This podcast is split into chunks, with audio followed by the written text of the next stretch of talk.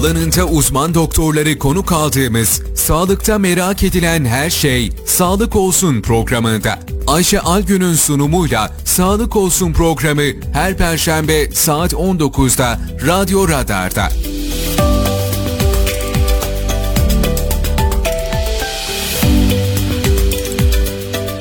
Ayşe Algün'ün sunumuyla Sağlık Olsun başlıyor. Hayırlı akşamlar diliyorum tüm takipçilerimize. Radyo Radar ve Kayseri Radar ekranlarından sizlere sesleniyoruz.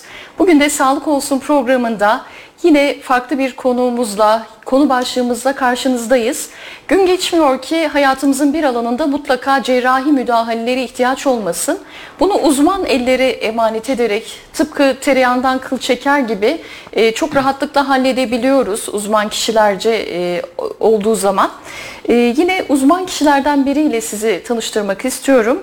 Kendisi Melik Gazi Hastanesi Genel Cerrahi Uzmanı Operatör Doktor Sayın Ülfet Abdullayev yayın konuğumuz. Hoş geldiniz. Hoş gördük. Bugün ağırlıklı olarak e, tüp mide ve karın germe ameliyatlarını konuşacağız hocam sizlerle. Yine WhatsApp hattımızdan da sizler programımıza eşlik edebilirsiniz. 0352 alan koduyla 336 25 98 nolu telefonlara sorularınız varsa yönlendirebilirsiniz. Yine sosyal medya hesaplarımızdan da bizlere ulaşarak sorularınızı iletebilirsiniz. Öncelikle sizi tanıyabilir miyiz? İyi akşamlar diliyorum. Ben Ülfet Abdullayev, genel cerrahi uzmanıyım. Şu an Kayseri Özel Melik Gazi Hastanesi'nde genel cerrahi alanında hizmet vermekteyim. Maşallah hocam. Azerbaycanlıyız bu arada. evet. Ee, kardeş ülkemiz. Aynen. Değil mi? Evet. Ee, evlisiniz. Evliyim. Eşim de doktor. Şu an o da pediatri asistanı. Çok güzel. Ee, iki çocuğumuz var. Maşallah. Allah bağışlasın Sağ hocam. olun cümlemizin. Öncelikle genel cerrahi tanımlayacak olursak evet ağırlıklı dedik ki tüp mide ve karın germe ameliyatlarını konuşacağız ama genel başlıklar halinde hangi operasyonları yapıyoruz, hangi hastalıkları bakıyoruz? Ee, genel cerrahi e, böyle isminden de göründüğü gibi e, büyük bir alan, e, büyük bir branştır. Ve burada yani tabi alan büyük olduğu için çeşitli ameliyatları e, ve çeşitli hastalıkları kapsıyor e, ve biz de bu alanda e, özellikle GIS dediğimiz yani gastrointestinal sistem başta olmakla ister endokrin cerrahisi olsun işte buraya meme cerrahisi, tiroid cerrahisi ve bedekin proktoloji ağırlıklı ameliyatlarımızı yapmaktayız. Bunlarla beraber özellikle hem kapalı hem açık cerrahi e, artı endoskopi e, bölümünde de hizmet vermekteyiz. Şimdi açık ve kapalı diye ayırdığımızda hangisi evet. daha çok revaçta? Tabii kapalı ameliyatlar. Tabii Eskiden yani, evet. açık ameliyatlar çok gündemdeyken artık evet. teknolojinin gelişmesiyle beraber yerini e, kapalı ameliyatlara bıraktı. Evet. E, bununla ilgili yine e, öncelikle tüp mide ameliyatına değinelim. Evet. Tüp mide ameliyatı hangi durumlarda gereklilik arz ediyor? Hangi durumlarda yapılmasını tavsiye ediyorsunuz? E, tüp mide ameliyatı e, şu an obezite cerrahisinin en fazla yapılan ameliyatlarından bir tanesidir e, ve e, tüp mide ameliyatında yani isminden de göründüğü gibi e, midenin bir tüp haline getirilmesidir e, ve biz buna tıpta e, sleeve gastrektomi diyoruz. E, bu özel bir aletlerle yapılan e, ve midenin e, de söylediğim gibi tüp haline e, getirilmesidir. E, burada öncelikle hangi hastalara e, yapılması e, özellikle buna mutlaka hı hı. E, dikkat edilmesi gerekir. E, tüp mide özellikle e, vücut kitle indeksi 35-40 aralığında olan ve beraberinde yandaş hastalıklar olan hı hı. yani ne gibi uyku apnesi gibi, hipertansiyon gibi, tip 2 diyabet rahatsızlığı olan hastalarda günümüz cerrahisinde bu hastalara tüp mide ameliyatları uygulanmaktadır. Evet gerçekten gerekli görüldüğünde. Aynen. Yani bunların testleri var. E, sonuçlarına bakarak evet. bu hasta uygun mu değil mi bunları evet. tek tek denetleyerek yapıyorsunuz. Evet. Herhangi bir riski var mı peki hocam? Ee, e, risklerini kişiler e, çok rahatlıkla tolere edebiliyor mu? Evet. Buradaki durum nedir? Ee, şimdi e, bildiğimiz gibi tüp mide ameliyatı e, yani diğer ameliyatlarda olduğu gibi burada da bir çeşit e, riskler vardır. Bu riskler ameliyat öncesinde hastalarda ayrıntılı tetkiklerle bu riskler araştırılır.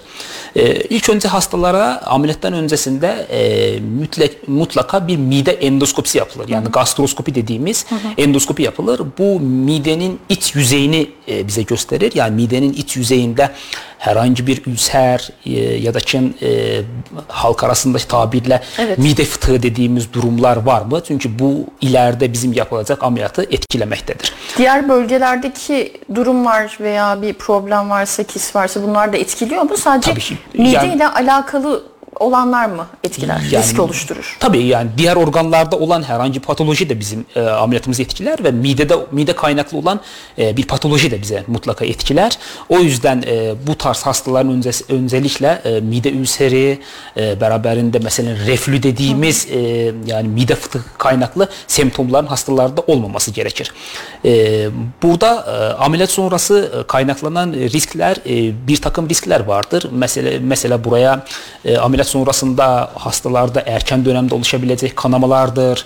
E, özəlliklə e, biz genel cərrahların çox fazla ehtiyat etdiyi və qorxduğu aməliyyat sonrası olan e, qaçaq risk riskləridir. E, çünki midəyi özəl biz alətlərlə, yəni zımba dediyimiz e, alətlərlə kəsməkdə və e, o alətlərlə kapatmaqdayız.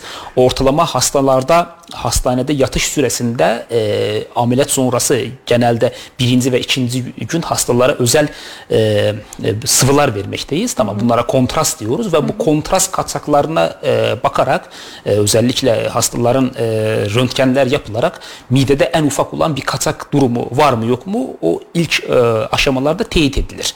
E, ve bu da e, önlenebilecek e, risklerden bir, bir tanesidir. E, o yüzden e, mide e, yani özellikle yani obezite cerrahisinde tüp mide e, ameliyatı yapılacak hastalar hem öncesinde iyi e, araştırılmalı ve ameliyat sonrası kontrollerde bu hastaların mutlaka iyi tutulmalıdır. Evet biraz önce reflü dediniz hocam. Evet. Reflü ile ilgili bir sizin yine yaptığınız operasyon oluyor mu bununla Tabii. alakalı? Şimdi midede genelde e, reflü e, midenin üst kısmında mide kapakçığının fonksiyon görmemesidir. Tamam buna genelde biz hiatal herni ya da halk arasında e, mide fıtığı olarak e, bunlar e, isimlendirilmektedir. Ve bunlara yönelik de bizim bir takım ameliyatlar e, vardır. Yani midenin üst kısmında e, mide yemek borusu bileşkesinde e, yani yapay bir sfinkter oluşturuyoruz. Buna bir fundoplikasyon diyoruz. Midenin kendi ekseni çevresinde e, döndürülmesidir. Bu da yine ameliyat e, yani yaptığımız kapalı ameliyatlardan e, yani yaptığımız kapalı ameliyatlara girmektedir. Gerçekten çok fazla şikayet duyuyoruz halk arasında. Hani Evet. reflü reflü. Ama Evet.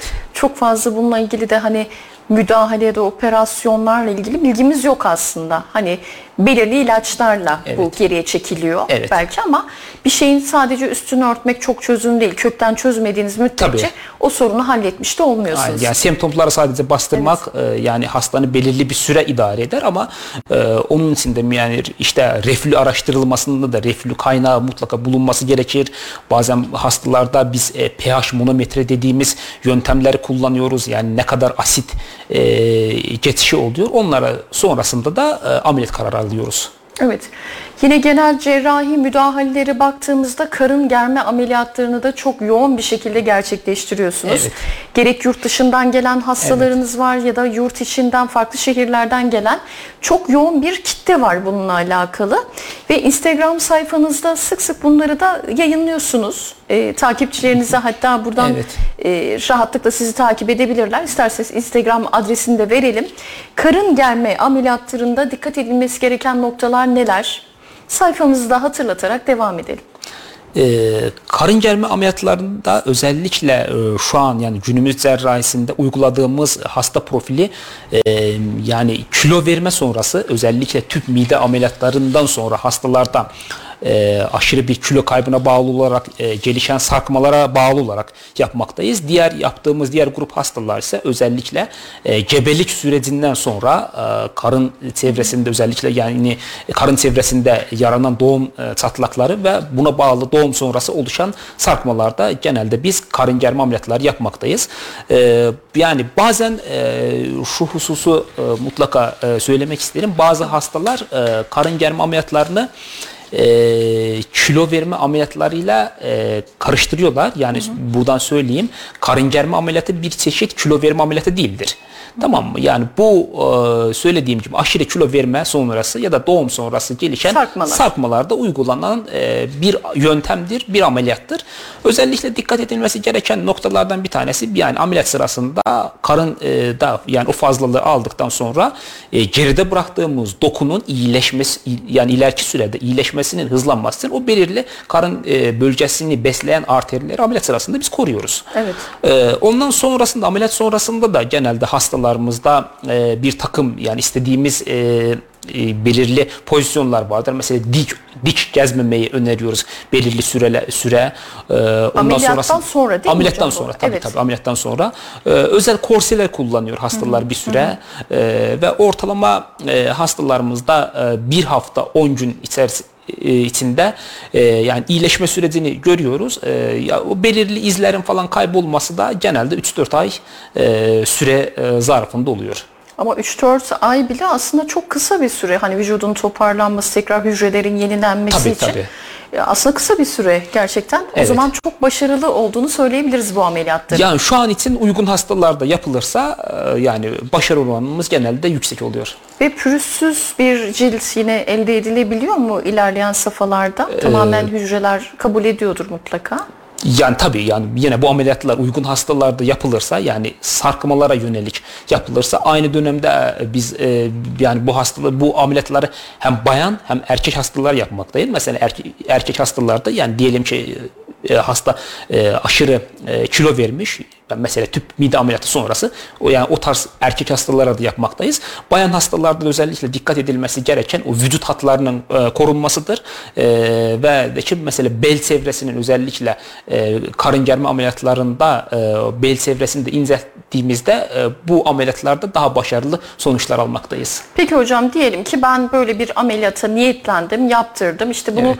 sporla da mutlaka desteklemem gerekiyor Tabii. değil mi? Hemen ameliyat sonrası sporu çok önermiyor yapıyorsunuz. Genelde bir, en azından bir iki ay falan süre geçmesi Hı-hı. gerekiyor. Ee, ya o süre zarfından sonra da mutlaka diyete e, dikkat edilmesi gerekir. E, ben ameliyat ettiğim hastalarıma hep söylerim ameliyat sonrasında yani kilo almamaya özen gösterin. Evet. Ondan sonra da vüz, e, yani günlük e, aktivitelerde e, yani yerli yerinde yapılırsa zaten bu ameliyatlardan sonrasında yine yerde yani güzel sonuçlar almaktayız. Evet. Şimdi tüp midede de aynı şey geçerli. Yine karın, karın germe ameliyatlarında evet. da e, uygulanması gereken beslenme programına kişiler riayet edecek. Tabii, tabii. Aksi takdirde iyi sonuçlar alamıyoruz. Şimdi e, bir yani güzel bir e, noktaya e, dikkat etsektiniz. Ben bir şey söyleyeyim. Mesela özellikle tüp mide ameliyatlarında yani yapılması gereken hastalar dışında bir de hangi durumlarda yapılmaması gereken e, e, yani noktalar vardır. Bunlardan bir tanesi hastanın ameliyat sonrası e, hayat kalitesini değiştirecek durumda olmamasıdır. Tamam yani bu hasta hayat kalitesini değiştiremezse yapılan ameliyatın bu hastaya çok fazla başarı oranı olmaz. Yani diğer grup hastalar ise mesela aşırı e, diye ta, yani karbonhidrat bağımlısı olan hastalar veya da ilaç bağımlısı olan hastalardaki bu hastalarda da genelde biz e, yani obezite cerrahisi ya da tüp mide ameliyatlarını yapmamaktayız. Evet bu arada e, sorular için e, hattımızı bir kez daha hatırlatalım. WhatsApp hattımızdan 0352 alan koduyla 336 2598 ne oldu? İletişim hatlarımızdan sorularınızı bizlere yönlendirebilirsiniz. Yine sosyal medya hesaplarımızın mesaj bölümünden de sorularınızı rahatlıkla uzmanımıza ulaştırabilirsiniz diyoruz. Ve kaldığımız yerden yine devam edelim hocam. Yine meme cerrahisi konusunda da e, sürekli ameliyatlar devam ediyor. E, bununla ilgili neler söyleyebilirsiniz? Yine meme cerrahisinde ameliyat gerektiren durumlar hangisi? Ee, şimdi meme cerrahisinde ameliyatlar e, kısmına geçmeden önce meme hastalıklarına ben Hı-hı. kısaca e, bir özetlemek isterim. E, meme hastalıkları e, böyle kaba e, tabirle söylesek yani iki, iki e, grupta e, bunları sınıflayabiliriz. E, memenin iyi huylu hastalıkları ve memenin malin yani kötü huylu hastalıkları.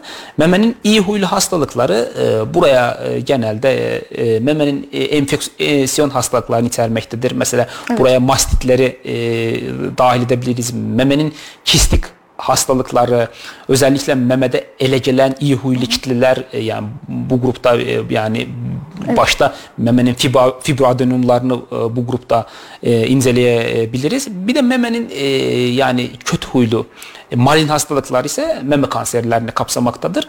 E, ve burada da her çeşit hastalık kendi e, yöntemleriyle takip edilmekte. Mesela bayanlardan özellikle 40 yaş üzeri bayanlarda genelde biz mamografik e, yöntemlerle 40 yaş altı bayanlarda ise ultra ultrason e, yöntemlerle ultrasonik yöntemlerle e, meme muayenelerini yapmaktayız e, ve burada bir çeşit araştırmalar e, sonrası e, yani tanıya yönelik cerrahi e, uygulamalarımız yapılmaktadır. Yani meme kanserlerinde günümüz cerrahisinde en sık e, yön, uygulanan yöntemlerden bir tanesi meme koruyucu cerrahi, diğer ise onkoplastik cerrahidir. Yani meme yapısını bozmadan uygulanan e, cerrahi yöntemlerdir. Evet bir sorumuz var. Tüp midede kaç kiloya kadar ameliyat yapılıyor demiş Aslı Hüner. E, burada e, söylediğim gibi yani kilo değil hastanın vücut kitle endeksi önemlidir. Yani vücut kitle endeksi nedir? Vücut kitle endeksi hastanın kilosunun e, boy uzunluğunun karesine bölünmekle e, elde edilir. Yani bunu internetten vücut kitle indeksi hesaplama dersek e, internette bir sürü e, yani hesaplama prosedürler vardır. E, bunu da biz e, vücut kütle indeksi 35-40 aralığına yapıyoruz. Yani vücut kütle indeksi 35-40 aralığındaysa bu hastaya e, yani tüp mide için aday olabilir. Yani e, o endeks önemli. Ya, tabii tabii. Oradaki... Hastanın kilosu değil yani evet. boy kilo oranı önemli boy ve kilo oranı evet, önemli. Evet. Bunlara da Aynen. izleyenlerimizin yani istenler yani vücut gerekiyor. kütle endeksi Google'da vücut kütle endeksi hastalarımız yazarsa oraya boyunu ve kilosunu yazarsa kolaylıkla hesaplayabilirler. Evet. Yine iyi akşamlar. 85 yaşındaki annemin safra kesesi alınmasında sakınca var mıdır? Tansiyon hastası ve birçok ilaç var aldığı demiş e, izleyenimiz ama ismini vermemiş. Tamamdır.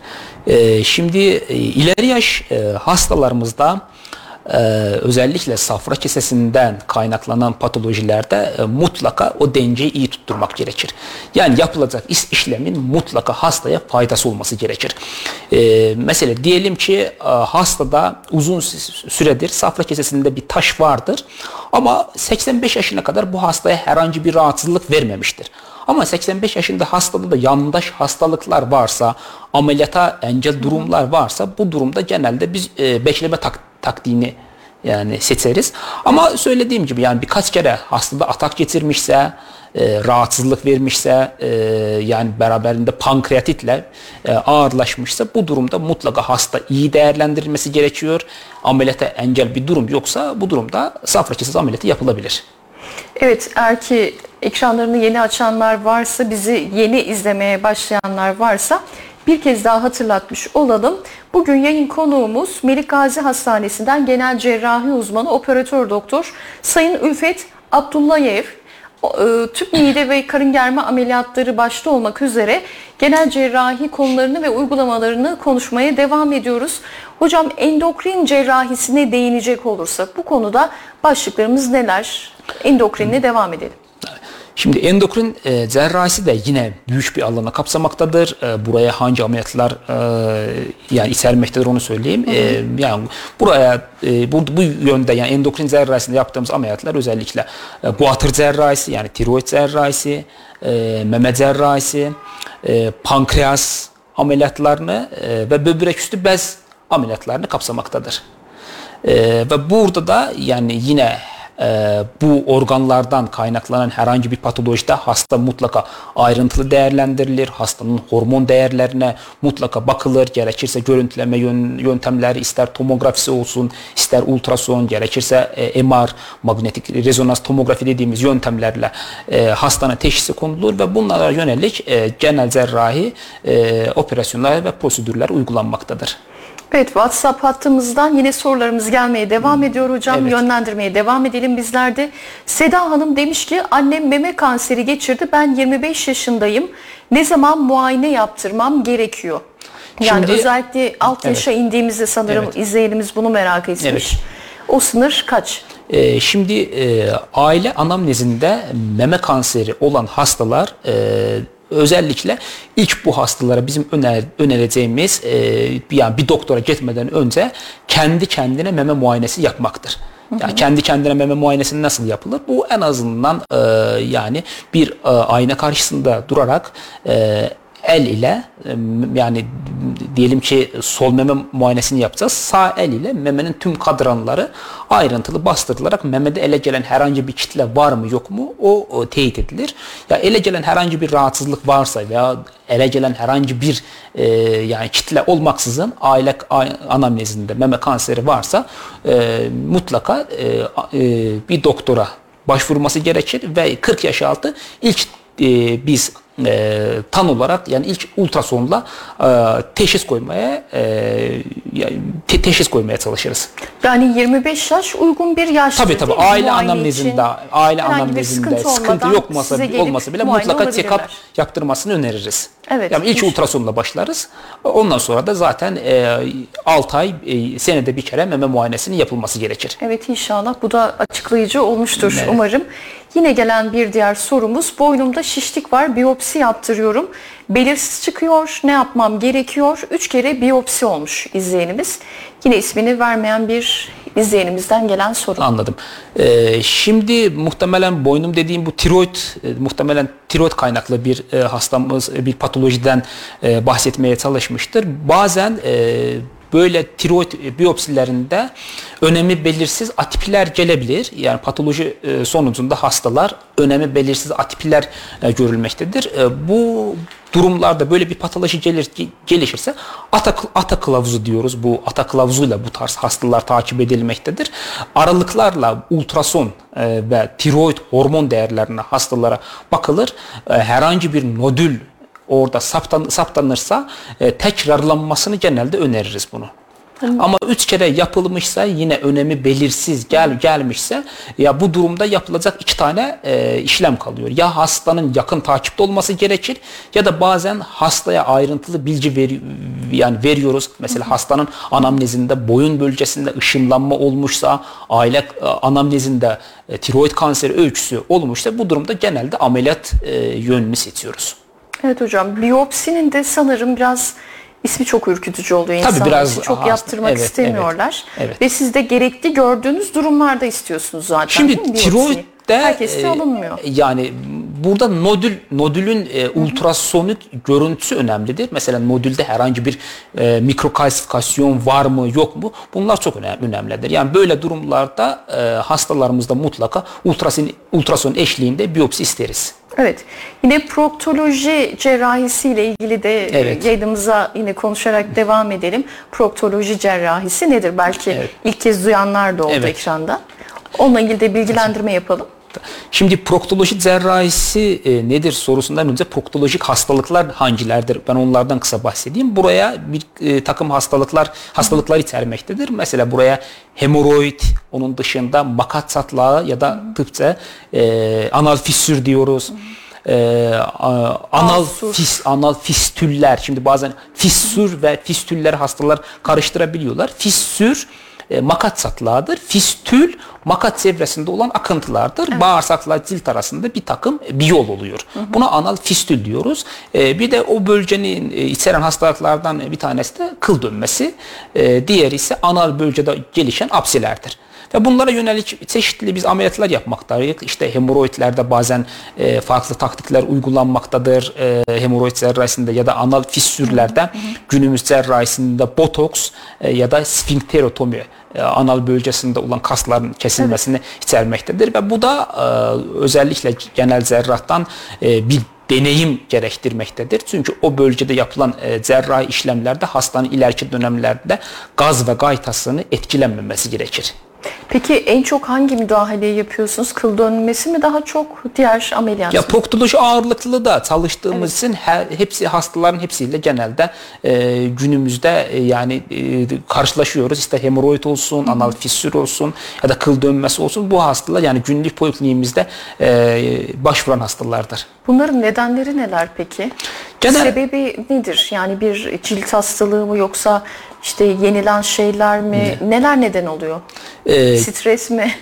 genelde bu tarz e, patolojilerin hepsinde hastalarda bir beslenme alışkanlığında bir değişiklik görüyoruz. E, mesela hastanın özellikle hastalara e, sürekli öneriyoruz. Özellikle lif ağırlıklı beslenmelerini günlük en azından 2,5 ya da 3 litreye kadar su içmelerini, hareketli yaşam evet. olmaları bunlar bu hastalıkların e, rastlanmasını e, olabildiğince düşürüyor.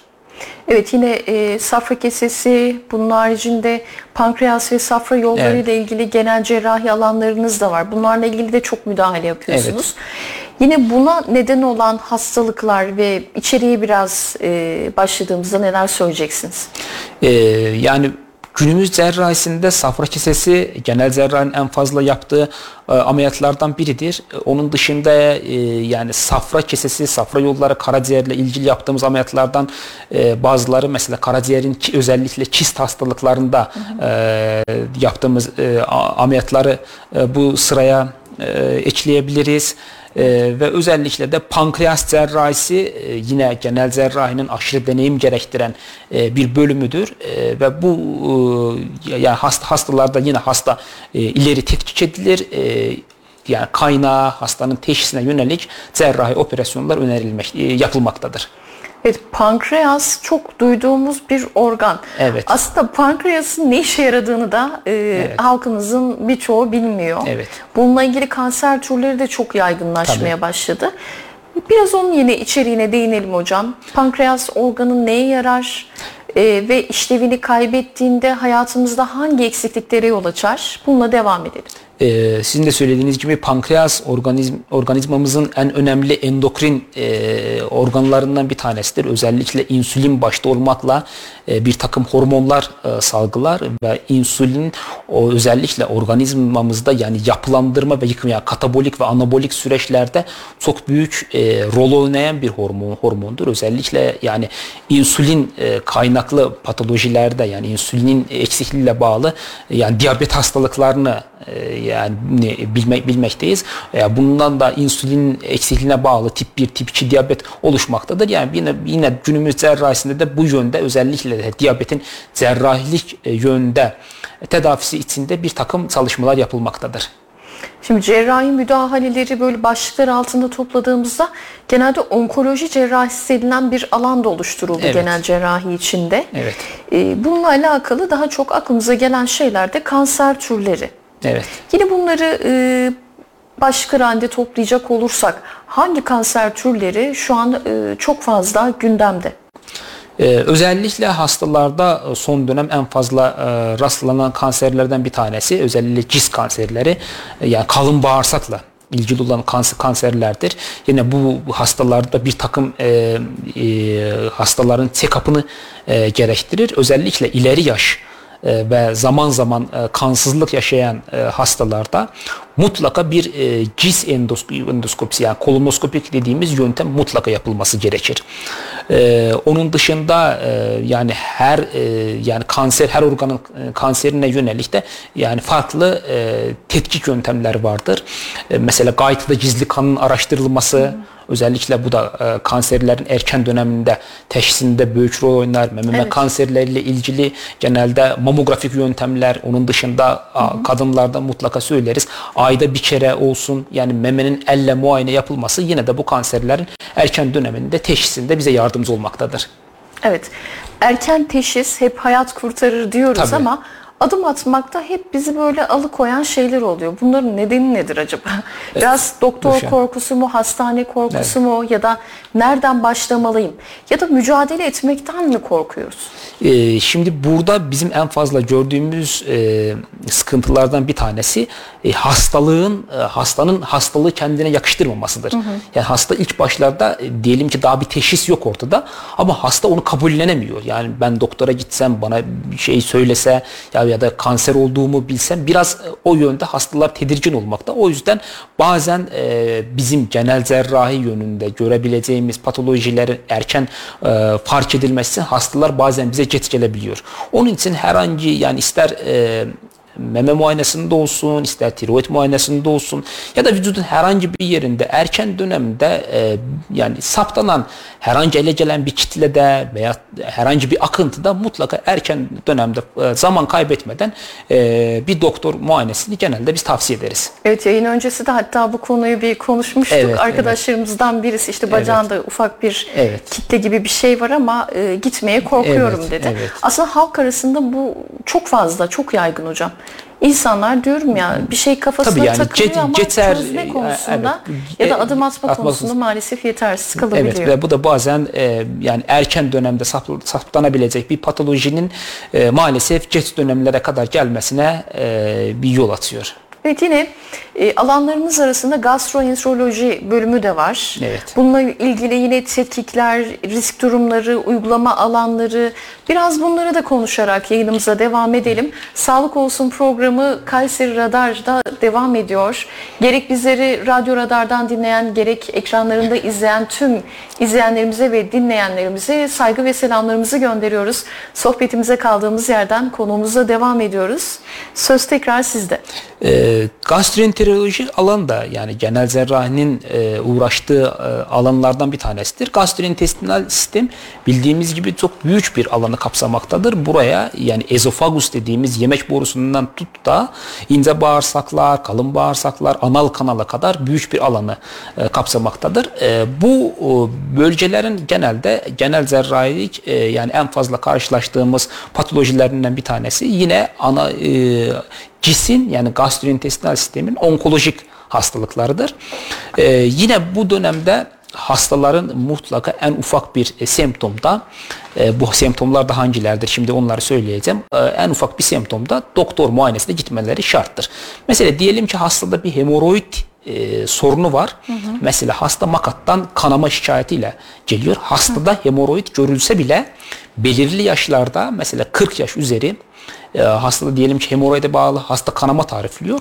E, ama hemoroid görülse bile mutlaka hastanın bir kolonoskopik muayenesinin yapılması gerekir. Hı hı. Yani bağırsağının bir kısmına biz kalın bağırsağın bir kısmına kamerayla bakıyoruz. Kanamaya neden olacak başka herhangi bir sorun e, var mı yok mu mutlaka e, teyit edilmesi gerekir. Yani sadece hemoroid kaynaklı olmayabilir. olmayabilir. Çok farklı nedenler Aynen, olabilir. Çok farklı neden, bunların gerekiyor. mutlaka araştırılması gerekiyor. Ya da Çin mesela erken dönemde biliyoruz toplumumuzda şimdi mide kaynaklı patolojiler sürekli e, görmekteyiz. Mesela mide yanmaları falan. Bunu da genelde ne yaparız? E, mide koruyucuları bastırmaya çalışırız. Ama uzun süre mide koruyucu kullanıp da mide rahatsızlığı gitmeyen belirli yaş hastalarda mutlaka mideye kamerayla bakılması gerekiyor. Buna da gastroskopi diyoruz. Midenin iç kısmını gösteren yani en e, son e, teknolojilerden bir tanesidir. E, bu, bu Şimdi hastalarda da mutlaka zaman kaybedilmeden bir üst giz endoskopisi yapılması e, mutlaktır. Evet bu arada e, hep böyle e, alanlarınızla ilgili konuşuyoruz ama evet. e, doktorluk mesleğinizle ilgili bir soru yönlendirmek istiyorum. Tabii. E, doktorluk mesleğinizde şu ana kadar böyle unutamadığınız bir olay oldu mu? Ya sizi çok hüzünlendiren ya da mutlu eden bir anınız ee, anlatabileceğiniz? Oldu bir anım oldu. Ee, yine e, bir hastam e, vardı. E, hasta yine uzun süre hı hı. E, mide koruyucu kullanmış. E, hı hı. Fakat e, hastamın bir türlü e, mide şikayetleri yetmiyordu. Hı hı. Geldi konuştu hastamızla. Ben hastamıza üst kez endoskopisi yaptım. Yani gastroskopi yaptım. Ve mide midesinde hastanın çok ufak bir alanda bir lezyon dediğimiz ülser tarzı e, bir patoloji gördük. Ve bu patolojiden e, biz e, biyopsi aldık.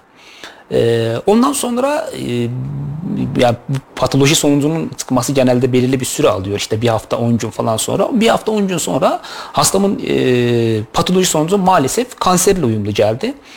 E, şimdi böyle bir durumda e, hasta e, böyle e, yani genç genç bir hasta e, yani böyle bir şeyin hastaya söylenmesi de genelde hastayı üzebiliyor. E, uygun dille hastaya anlattık. Hatta ben söyledim başka bir merkezde endoskopini tekrarladı. Yani bazen yanlış sonuçlar olabiliyor.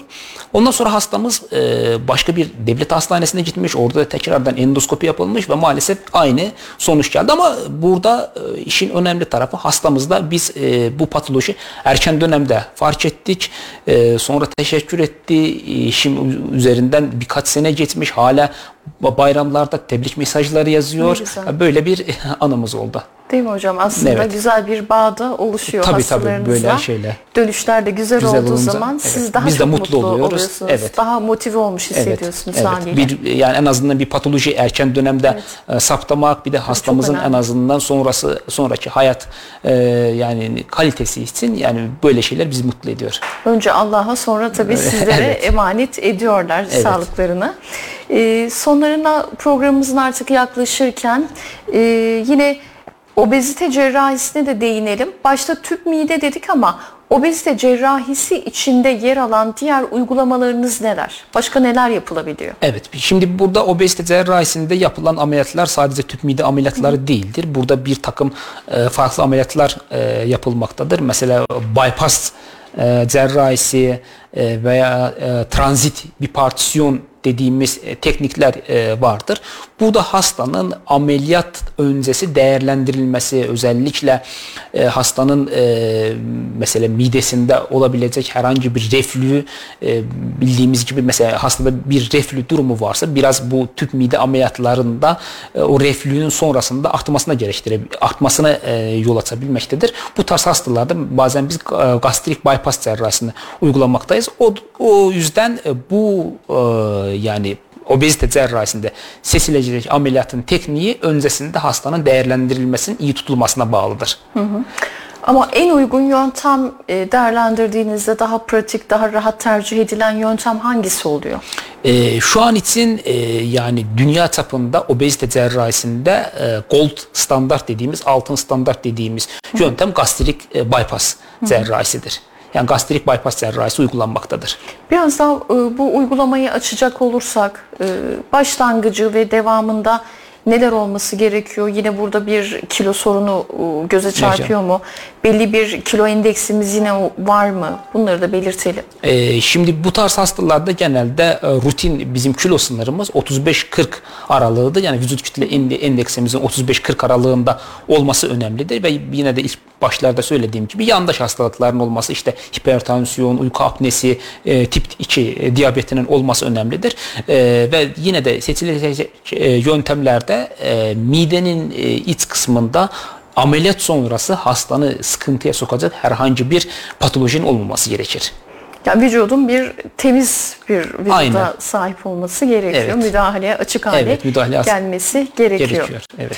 Evet hocam programımızın artık sonlarına yaklaştık. Son olarak eklemek istediğiniz neler?